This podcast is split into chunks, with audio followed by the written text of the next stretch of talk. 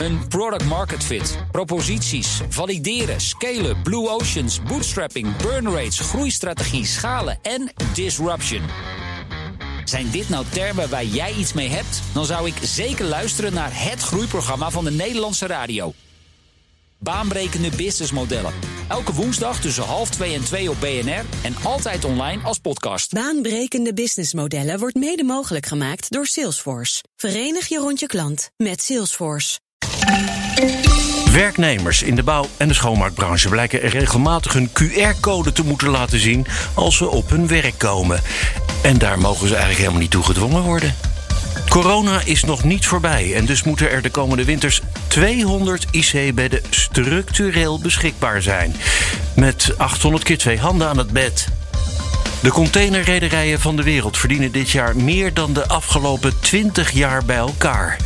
De winst wordt bij wijze van spreken per volle container binnengehaald.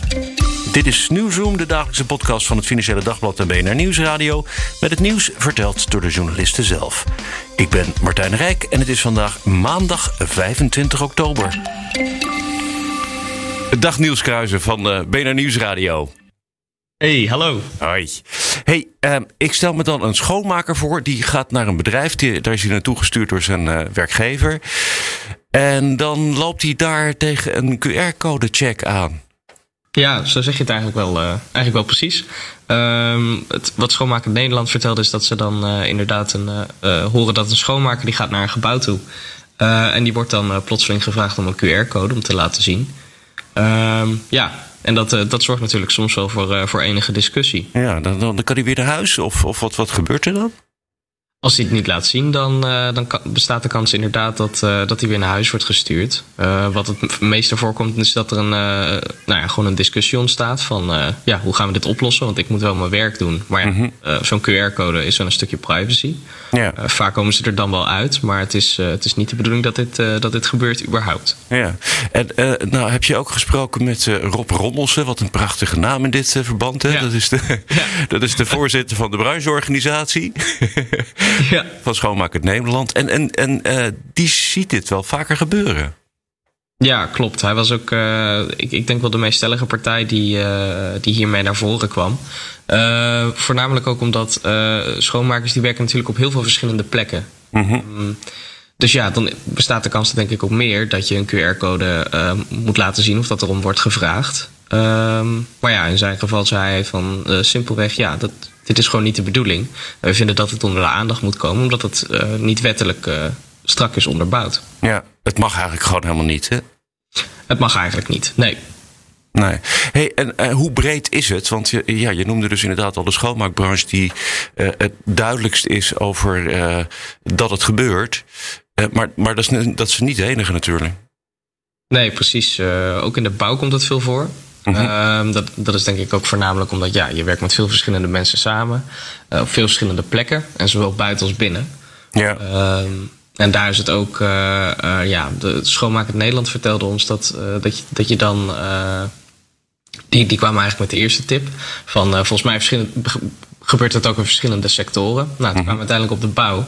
Uh, en in dat geval worden soms mensen, als ze de QR-code niet willen laten zien, of dus niet gevaccineerd zijn of een testbewijs hebben, uh, soms van de klus worden afgehaald. Mm -hmm. uh, ja, dan zit je in één keer zonder werk. Dat vond ik ook wel opmerkelijk. Ja, het zou, het, je zou het van spreken, stel dat je een, een loodgieter over de vloer krijgt. Jij kan, iedereen kan zo'n zo'n app downloaden waarmee de corona-check-app gecheckt kan worden, als je begrijpt, gelezen ja. kan worden, de ja. QR-code. Ja. Dus dan zou, ik, dan zou ik gewoon kunnen zeggen van, nou, uh, je, je, je hoeft mijn waterleiding niet te komen repareren als je de QR-code niet even mag checken. Ja, ja dat zou inderdaad, uh, dat zou kunnen. Zeker, ja. Iedereen kan die, kan die app downloaden om, om de ja, vaccinatiestand van, van iemand te inspecteren. Um, ja, mag je inderdaad doen, dat mag. maar om dan iemand toegang te weigeren, dat is weer een ander verhaal. Oké, okay. dus dat, dat mag gewoon echt niet. Want jullie hebben ook uh, met uh, uh, DAS. Wat is ook weer? Ja, DAS inderdaad. Ja, DAS. Pascal, ja, Pascal Besselink, advocaat, advocaat arbeidsrecht, die, die zei inderdaad ook van ja, dit is. Dit mag gewoon niet. Eerder zei hij ook al bij ons op, zender dat het ook gewoon een gruwelijk grijs gebied is. ehm, in de wet. Omdat ja, we zijn natuurlijk niet gewend om met, eh, met dit soort dingen te werken. Een, een, een QR-registratie op het gebied van vaccinatie, dat is nooit eerder voorgekomen. Eh, en nu met COVID iets wat eh, vrij gevaarlijk is en, eh, en besmettelijk. Ja, komen we in, als het ware in een soort nieuwe dimensie van, van, van recht. Ja, het is natuurlijk eigenlijk ook wel vreemd. Hè? Want bijvoorbeeld als je naar een café gaat of naar een bioscoop, dan mag je dat dus gewoon aan iedereen vragen. Maar als ik iemand in mijn huis toelaat of in mijn bedrijf toelaat, dan mag het opeens niet. Nee, klopt. Eh, diegene kan natuurlijk wel instemmen, dan is er geen probleem. Ehm, maar hij mag het, ja, diegene mag het gewoon weigeren. Ehm, en dan is- staat hij ook gewoon in principe in zijn recht, omdat het eh, op een bepaalde manier een inbreuk op de privacy is. Ja, wat, zou- wat zou er dan kunnen gebeuren? Ik bedoel, eh, je kan je voorstellen dat, eh, dat er in Den Haag dan duidelijkheid geschapen moet worden. Ja, inderdaad, dat, eh, dat zeg je goed. Ehm, meerdere partijen die, eh, die wezen ook al naar Den Haag. En dat daar inderdaad gewoon een wetsverandering in zou moeten komen. Eh, en dat daar ook ja, vrijwel, eh, vrijwel nodig is. Eh, zeker om die onduidelijkheid aan de weg, uit de weg te gaan. Om het gewoon ja, eh, makkelijker te maken voor werkgevers en werknemers. Eh, dat hier gewoon een, een, een duidelijk iets van ontstaat. Ja. Dat we weten waar we aan toe zijn. Ja, en, En, en dan of dat nou wel mag of niet mag, dat is dan nog niet zo belangrijk als wel, het moet gewoon duidelijk zijn. Ja, precies. Er moet gewoon een, een simpele knoop zijn die we, die we moeten kunnen doorhakken. Eh, ja, anders dan blijven we een beetje overal tussen zweven. Ja, Eh, en- maar, maar waar zit die onduidelijkheid dan toch in? Want ik snap het toch niet helemaal. Want ik, ik weet gewoon dat het niet mag. Dat, eh, nou ja, ik kan me niet ja. voorstellen dat de rest van Nederland het dan geen idee van heeft. Ja, ja nee, begrijp ik. Eh, het is natuurlijk bijvoorbeeld eh, eh, de overweging vanuit de werkgever. eh, is dat je natuurlijk eh, op, op- in, op jouw werkvloer eh, iedereen gewoon veilig wilt houden. Eh, iedereen moet gewoon eh, veilig kunnen werken. En als daar bijvoorbeeld corona tussen zit, dan is dat iets wat je uit de weg wil gaan. Dus dan zou je bijvoorbeeld graag willen weten van, goh, eh, ben je gevaccineerd of niet? Nou, daar is ondertussen nou wat duidelijkheid over hoe een werkgever, wat hij nou mag vragen, wat hij niet mag vragen. Al zit daar in een bepaalde manier ook weer een vorm van onduidelijkheid in. En als je nou bijvoorbeeld als schoonmaker dan een ander gebouw in wil, ja, hetzelfde verhaal. Ehm, je mag die QR-code niet vragen. Maar voor werkgevers is het soms gewoon belangrijk om die veiligheid te houden. En voor een werknemer is het, is het weer een privacy kwestie. Dus je blijft elke keer rondcirkelen in dat grijze gebied. Eh, en dat zorgt gewoon voor een, eh, voor een best wel groot probleem. Ja, oké. Ehm, we, gaan dit dus, eh, we gaan dit dus afwachten. hè. We gaan eh, verwachtingsvol kijken naar eh, eh, minister Grapperhaus of zo. stel ik me voor dat hij er wat aan moet doen. Ja, iets, iets in die richting. eh, ja, die zou eh, op een privacy kwestie goed, eh, goed, kunnen, goed kunnen helpen, denk ik wel. Goed zo. Nou, dankjewel eh, Niels Kruijsen van BNR Nieuwsradio. Dankjewel. was trouwens wel grappig. eh, eh, ik, de- ik vertelde je dus hè, dat ik dan eh, eh, kan zien waar iemand op de lijn zit. Ehm, en dan kan ik ook horen wat die ander doet. Dus als jij dan eh, zit van godverdomme zeg, hey, ze pakken ook uit die telefoon. En dan hoor ik dat dus gewoon. Hè, dus kijk uit. Maar in dit geval, in, in dit geval hoorde ik dus een, eh, een, eh, een koffiezetapparaat. Zo'n zo'n espresso. Ja, zo beginnen veel een dag, hè? Ja, er was iemand eh, eventjes nog even snel een bakkie, eh, bakkie koffie eh, naar binnen schuiven voordat ik de uitzending in moet. Ja, mooi. Mooi is dat, hè? Krijg je toch een beetje sfeer mee. Is ook een vorm van radio. ja, dat dacht ik ook. Ja. Oké. Dankjewel Job. Hey, Goed. tot zien, hè? Hoi. Joe. En zo klonk dat toen ik de lijn uitluisterde. Hoor ik nou een koffiezetapparaat? Belgische grens kan Nespresso. Waarschijnlijk iemand die eh, voor de reguliere uitzending in de wacht stond. Vrijdag zat in Nieuwsroom epidemioloog Marino van Zelst over de coronasituatie in het land. Ik ga even terugluisteren, nog steeds actueel. Maar op de aankondiging op Twitter kwamen reacties binnen. Bijvoorbeeld van Sietske Rosie. Zij vertelt dat in het Isala ziekenhuis in Zwolle het mondkapje alweer verplicht is. Noodgedwongen in verband met de vaccinatiegraad in de regio. En dan nog even een belangrijke mededeling over de komende drie dagen. Dinsdag, woensdag en donderdag. Dan kijkt Nieuwzoom naar het klimaat. drie afleveringen in de aanloop naar de klimaattop van Glasgow. Over geopolitiek, over waar we nu staan en over wat er technisch mogelijk is. Even laatste nieuws nog even checken. Kees Dorrestein op de telefoon. Ja. Ja, even kijken wat, hey, wat, welke cijfers uh, zijn er. Uh, is er nog wat gezegd wat betreft corona? Het wordt Ja. uh, worden de dingen gezegd. Hè? Ja, ja want jij eh, hebt weer een verhaal van Gommers. Ja, Vraag het Gommers. Je hebt het Gommers maar weer eens gevraagd. Daar komt het eigenlijk op neer. Ja, van jouw, klopt het, ja. Zoals jouw eh, podcast ook heet, hè? ja, dat klopt inderdaad. De podcast bestaat eh, volgende week trouwens precies een jaar. Kijk, Nou, nou, dat is dan toch wel weer eh, ja. dan, dat ook een beetje verdrietig aangezien we dan al zo lang in de eigenlijk, ik wou het zeggen, dat is eigenlijk, eigenlijk geen goed nieuws, maar alsnog gefeliciteerd. Ja. Nou, dank je. ja, kijk, ik ga eh, elke week langs. En dan ga ik langs met vragen van luisteraars. Misschien als je dit luistert, denk je ook... oh, ik heb ook wel eens een vraag ingestuurd voor de Vraag het Gommers podcast. Nou, dat kan gewoon gommers.bnr.nl. Kan je een mailtje toesturen. En eh, die leg ik dan voor. En ehm, ja, we hadden het even over... eh, dat- was, dat was iemand, ik ben even zijn naam kwijt... maar die zei van... eh, blijven we eigenlijk niet in deze coronacrisis vastzitten Mhm. doordat we zorgproblemen blijven houden. We blijven een onderbezetting houden. Dus dan, dan smeer je het eigenlijk alleen maar uit over een langere periode. En nou ja, daar, daar reageerde Diederik Gommers ook wel op. Dat die zei, ja kijk, we, we weten nu eigenlijk wel... corona gaat niet weg. En we zullen waarschijnlijk elke winter, net zoals met het griepvirus ook gebeurt... zullen we mensen naar de IC krijgen... Ehm, en hij zegt, ja, dat betekent eigenlijk wel dat we structureel altijd 200 extra bedden moeten reserveren de komende winters. Aha. Dat heb je over het komende jaren. Ja. Voor IC-personeel. En, en Of als, voor corona-patiënten. ja, precies. En als dat niet gebeurt, dan hangt die code zwart boven ons eh, hoofd. Nou ja, die, die code zwart geldt eerder voor komende winter. Oké. Ehm, aangezien er natuurlijk zoveel personeel is weggelopen. Ja. Eh, waardoor we niet meer tot een extreme hoogte kunnen opschalen eh, op de IC's. Dat was helemaal eh, eh, vorige Mhm. winter eh, 2020. Kon dat nog ergens, eh, helemaal aan het begin werd gezegd 2400, dus eh, maart, april 2020. Afgelopen winter werd er gezegd, ja, nou, max 1700, 1800 dat we dan nu aan kunnen qua eh, IC-bezetting. En dat is dus niet alleen corona, maar dat, is, dat zijn dan ook de bedden die je voor andere dingen nodig hebt. En eh, nu eh, zegt eh, Gommers, ja, 1350. Dat, Dat is, is, het wat we maximaal nu aantal aan bedden wat we hebben. Ja, en dat betekent dus eigenlijk dat die code zwart voor deze eh, winter dichterbij is dan die vorige winter was. Terwijl Ja. we eigenlijk veel enorm zijn opgeschoten met Ja, de corona. Nee, exact. Ja. Eh, dus, en nu is de code zwart, eh, is eigenlijk 650 coronapatiënten. Ja. Want je moet altijd een aantal bedden eh, open houden voor als iemand een ongeluk eh, krijgt eh, met de auto en direct geopereerd moet worden. Ja. Dan heb je natuurlijk nog bedden nodig voor mensen die een operatie hebben gehad en eventjes twee dagen op de IC moeten bijkomen eh, daarvan. Ehm, dus de lopende operaties die nog gepland zijn, daar moeten mensen ook weer van bijkomen van, eh, op de IC. Ja, dus dan heb je van die 1350 maar 650 eh, plek voor coronapatiënten.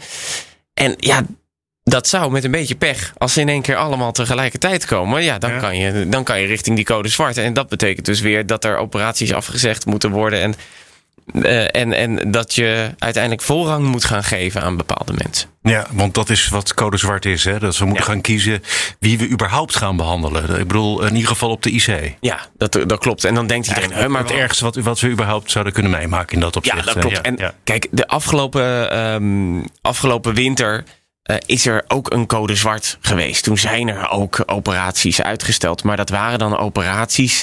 Mhm. Nou ja, dat, is, dat wil je niet. Want met een beetje pech kost dat uiteindelijk wel levensjaren. Of redt iemand het niet in, eh, in het Ja. uiterste geval. Ja. Uiteindelijk weet ik niet wat, wat de exacte gevolgen zijn geweest van het uitstellen. Maar er zijn kankeroperaties en er zijn hartoperaties. Zijn er uitgesteld afgelopen winter.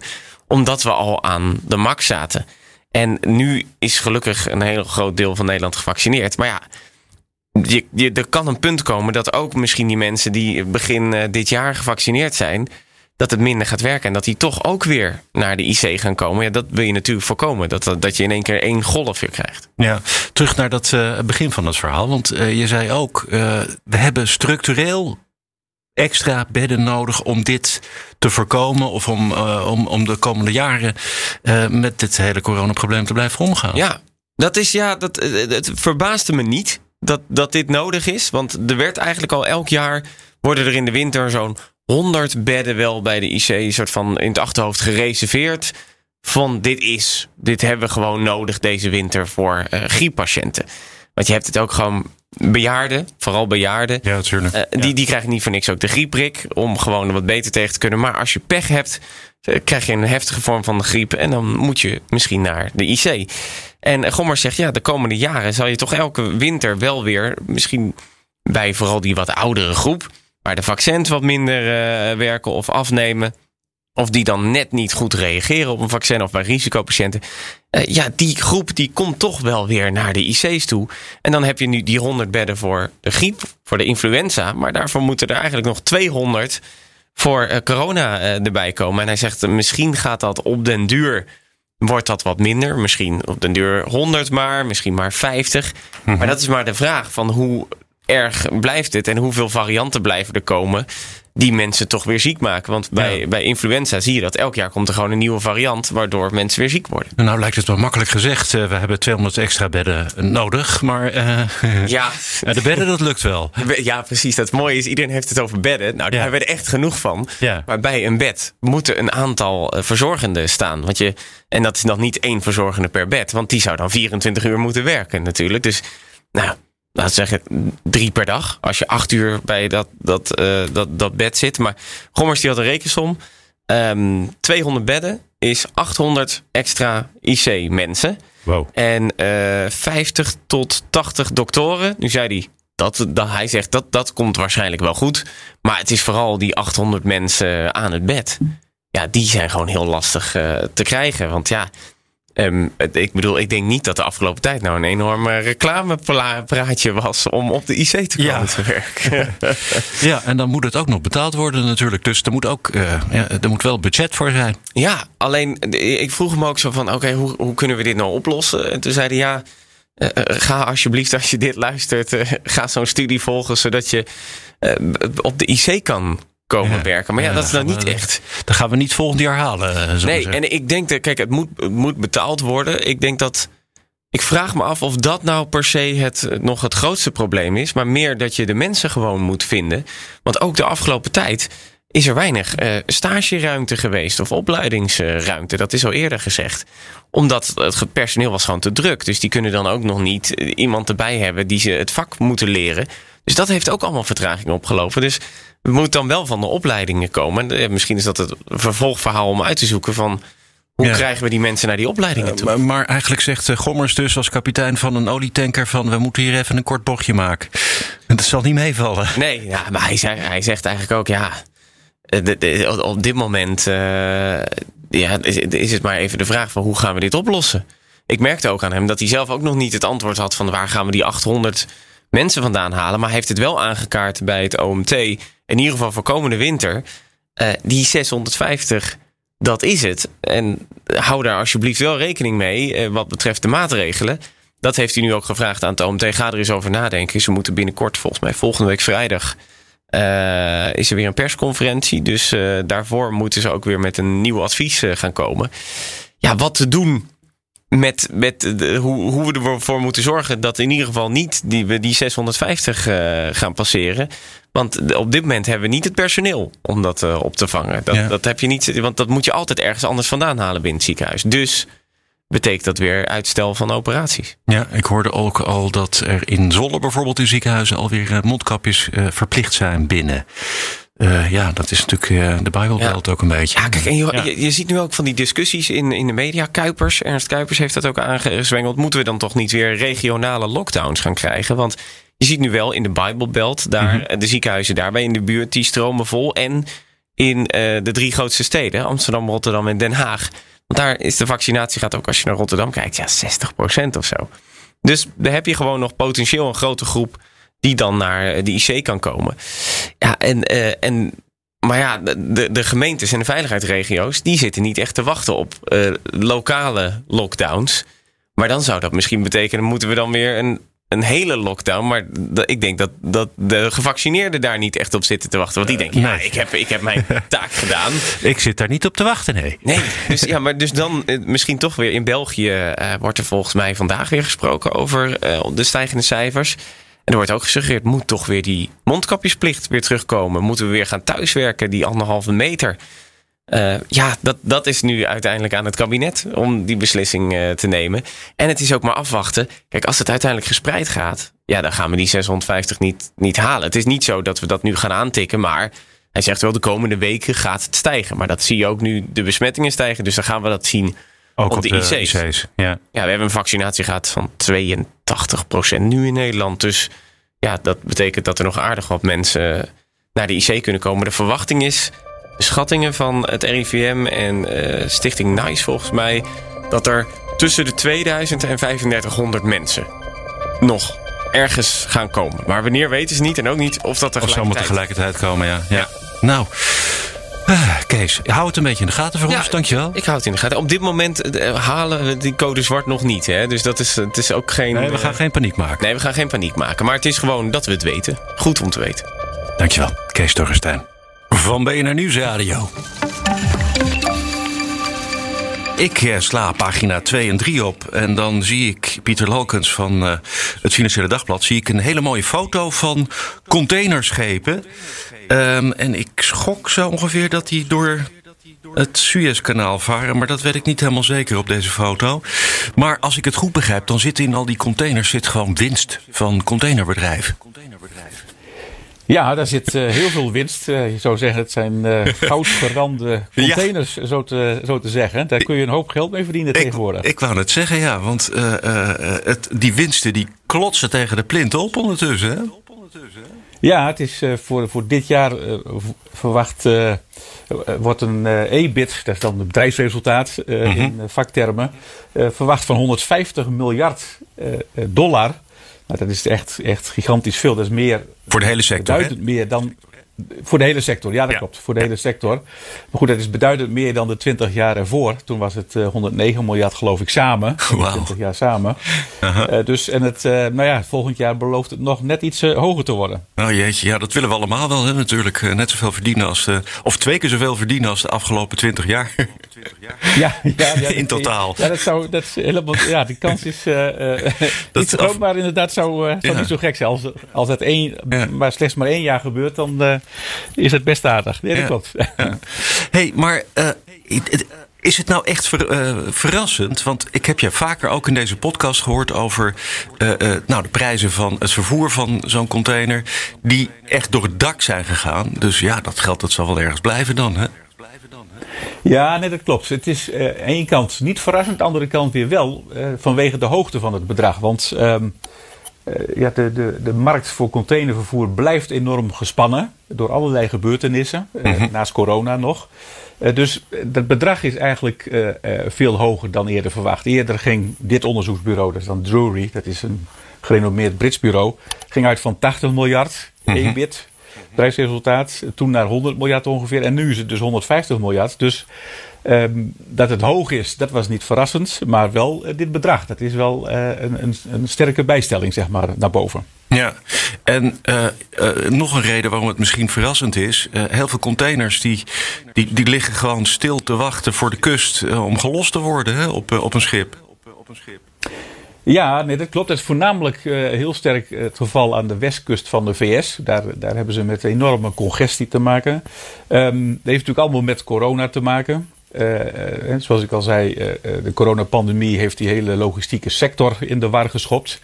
Ehm, en daar zijn natuurlijk nog andere factoren bijgekomen, zoals toch corona in Chinese havens, die eh, toch nog voor een deel die havens dicht moesten. Weersomstandigheden. En in de VS hebben ze ook een enorm tekort aan, aan, aan truckers. En die havens die werkten niet 24 uur per etmaal. Dus ehm, eh, dat heeft tot een enorme congestie geleid. Als de schepen daar lang moeten wachten, er lagen zo'n 100 schepen voor de haven van Los Angeles, Long Beach. Als die schepen daar lang moeten wachten, komen ze natuurlijk ook niet weer terug in het vaarschema. Dus dat werkt dan mondiaal uit in verstoringen in, in vaarschema's. En daardoor eh, eh, hoopt zich dat op, die, eh, die containers. Lege containers komen niet weer terug op de plek waar ze zouden moeten zijn. Dus dat leidt tot, tot allerlei verstoringen in die, in die container supply chain. Ja, en dan vervoer je dus uiteindelijk waarschijnlijk in totaal minder containers, maar je, je kunt er wel een enorme hoofdprijs voor vragen. Ja, de, het aantal containers. Kijk, er is ook een enorme vraag. Daardoor eh, eh, leidt dat ook tot die, tot die op, opeenhoping. We hebben natuurlijk in die lockdowns allemaal enorm veel Oh, ja, dingen ja. besteld via internet. Het geld moet Ja. ergens naartoe. Eh. Niet aan vakanties en niet aan restaurants. Dan maar aan. Nou, dat zullen we allemaal gekocht hebben. Nieuwe elektronica. Hou op nieuwe schei uit, ja. Meubelen. Eh, Nou ja, je kunt het niet zo gek verzinnen of we kochten het wel. Ehm, dus dat moest allemaal, komt voor een groot deel uit China. Dat moet allemaal in containers deze kant op. Ehm, en daardoor ehm, eh, zitten die schepen ook helemaal vol. En eh, doordat die eh, capaciteit eigenlijk te, te laag is, krijg je natuurlijk die enorme hoge prijzen. Is het vechten om een plekje op het, eh, op het schip. Ehm, en dan betaal je zo 14.000, 15.000 dollar om van eh, Shanghai naar Rotterdam een container te laten vervoeren. Terwijl dat Ja, wat een paar was jaar dat? geleden op het, het dieptepunt toen nog, ehm 2016 ongeveer. Toen lagen de prijzen heel laag. Kon je voor eh, iets van 750 dollar of 800 dollar kon je een container laten vervoeren. Oké, ja. Dus ja, dat is, eh dat is het twintigvoudige zo'n beetje. Dus Ja. tegenwoordig. Ja, ja, dat eh, komt dan toch aardig in de richting van wat die winst gedaan heeft, eh Ja, twintigvoudig. dat klopt. Ja. Ja, nee, dat klopt. Dat klopt. Er zijn, je kunt het ehm, niet helemaal één op één relateren. Omdat natuurlijk naast de dagprijzen, die zo hoog zijn, heb je ook contractprijzen. Kijk, grote vervoerders zoals Unilever of eh, PepsiCo of eh, nou ja, bedenk maar een groot eh, concern dat veel goederen laat vervoeren. Die hebben allemaal wel langere termijn contracten, maar die zullen nu ook aanmerkelijk hoger in het tarief zitten. Niet zo hoog als, dat, eh, als, dat, als die dagprijs, maar toch ook wel aanmerkelijk eh, hoger. Het zal niet volgens dat ook zo 50 of 60 procent hoger is. Dus dat werkt allemaal door in de, in de winst. En ehm, ja, eh, de rederijen worden er een beetje op aangekeken Ja. door verlaters. natuurlijk Ja. van, hey, jullie, jullie profiteren van de coronapandemie. Hè, met, Ja, kan het niet zijn dat die- ze, dat, ze, dat ze van de gelegenheid gebruik maken om die prijzen lekker omhoog te gooien? Ja, dat is, daar is eh, forse kritiek op en ook wel druk op eh, toezichthouders om eens eh, goed te gaan kijken. Worden daar geen afspraken gemaakt? Maken ze misbruik van, van hun marktmacht? Hè? Want die markt is eigenlijk voor 80% in handen van slechts 10 rederijen. hè. Er is een enorme consolidatie heeft plaatsgevonden de afgelopen jaren. Dus een, een beperkt aantal rederijen heeft het grootste deel van die markt in handen. Nou, dan laat je al snel de verdenking op je. Eh, van ja, maar dat, eh, die maken afspraken of eh, die leggen ons gewoon die tarieven op. Het heeft helemaal niets met, met de markt te maken. Goed, die druk op toezichthouders is er. Maar tot nu toe ehm, heeft het nog geen enkel onderzoek, als er al onderzoek gedaan is, heeft eh, tot, eh, tot iets geleid. In ieder geval niet tot een constatering van eh, hier, hier is iets niet eh, in, de, in de haak. Dus ehm, eh, eh, eh, op, tot nu toe staan die verladers, dus de bedrijven die goederen laten vervoeren, die staan nog met lege handen. Die zullen niets anders kunnen dan die prijs betalen. Ja. Ze worden dus in de gaten gehouden. Maar wanneer wordt het, wanneer wordt het nou beter? Ik bedoel, op een gegeven moment dan houdt dit op, toch? Ja, op een gegeven moment moet het een keer ophouden. Eh, de verwachting eerst was, nou, dat, dit, eh, dit jaar zal het allemaal nog wel moeilijk liggen. Eh, en dan gaat het in het tweede kwartaal 2022 wordt het wel wat beter.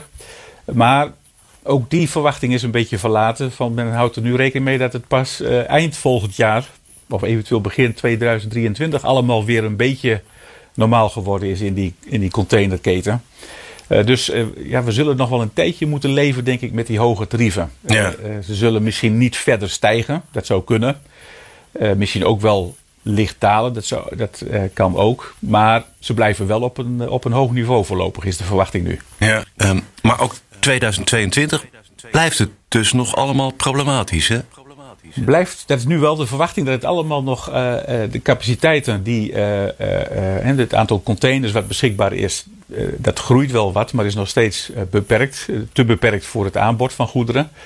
Ehm, en ook de scheepscapaciteit. men zet alle schepen in, zeggen de rederijen. Ze hebben wel nieuwe besteld, maar die komen vanaf 2023 eh, komen de eerste in de vaart. Dus dat, dat duurt nog even. Ehm, maar goed, en dan Kijk, als dan ook de economie wat afkoelt, dat, die, dat, dat we ook eh, wat minder goederen gaan bestellen, dat we weer wat meer op vakantie gaan, Ehm, dan eh, zou het best kunnen dat die tarieven eh, eh, behoorlijk dalen. Dat hebben we eerder meegemaakt. Dus dat wordt best een spannend jaar, denk ik, 2023. Van wat gebeurt er op dat moment? Ja. Want eerder hebben die rederijen natuurlijk de fout gemaakt door inderdaad veel te veel capaciteit bij te bestellen. Allemaal schepen laten bouwen. Die kwamen in de markt. De economie koelde af. Ja, dan krijg je enorme prijsdaling. Toen kon je inderdaad voor die 800 dollar een, een container eh, eh, over de halve wereld laten vervoeren. Eh, met als gevolg hele grote verliezen bij, bij containerbedrijven. Eén Koreaanse rederij, Zuid-Koreaanse rederij, Hanjin, is zelfs failliet gegaan. Nou, dat was eigenlijk ondenkbaar daarvoor. Dus ehm, eh, iedereen houdt zijn hart ook wel een beetje vast van hoe gaat dat dan in 2023 als die extra capaciteit op de markt komt. Eh, het voordeel is natuurlijk wel dat ze nu twee hele vette jaren hebben gehad. En als het goed is, hun, ehm, hun financiële positie flink hebben kunnen verbeteren. Dus dan kunnen ze wel wat, eh, en zo, wel eh, wat leiden. Ja, ja. ja. schulden afbetalen. Ja. eh, hun, eh, hun eigen vermogen aanvullen. Dus je, je zou denken, eh, ze zijn er dan wat beter tegen bestand. Ja. Plus het feit dat ze misschien, eh, omdat er eh, eh, minder rederijen zijn die wat af kunnen wijken van het, eh, van het normale beleid. eh, ehm, je zou kunnen krijgen, dat was vorig jaar ook in het tweede kwartaal eh, bij de coronapandemie.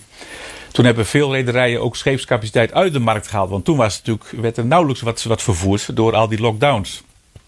Toen hebben ze schepen aan de ketting gelegd of in de haven aan de kade gelegd.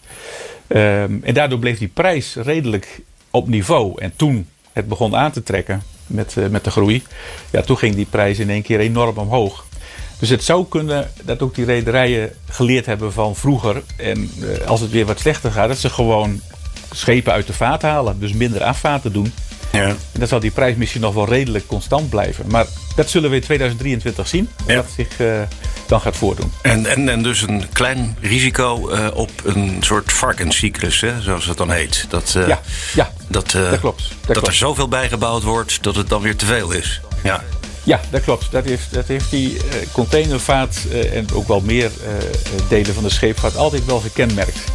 De containervaart. En we zullen zien of dat ook in 2023 opnieuw zich gaat voordoen. Maar dat is even afwachten. Goed zo.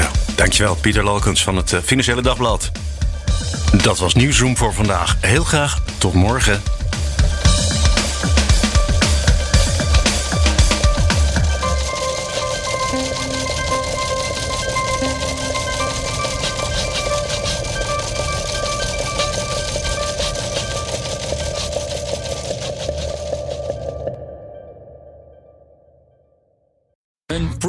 Market proposities, valideren, scalen, blue oceans, bootstrapping, burn rates, groeistrategie, schalen en disruption. Zijn dit nou termen waar jij iets mee hebt? Dan zou ik zeker luisteren naar het groeiprogramma van de Nederlandse radio. Baanbrekende businessmodellen. Elke woensdag tussen half twee en twee op BNR en altijd online als podcast. Baanbrekende businessmodellen wordt mede mogelijk gemaakt door Salesforce. Verenig je rond je klant met Salesforce.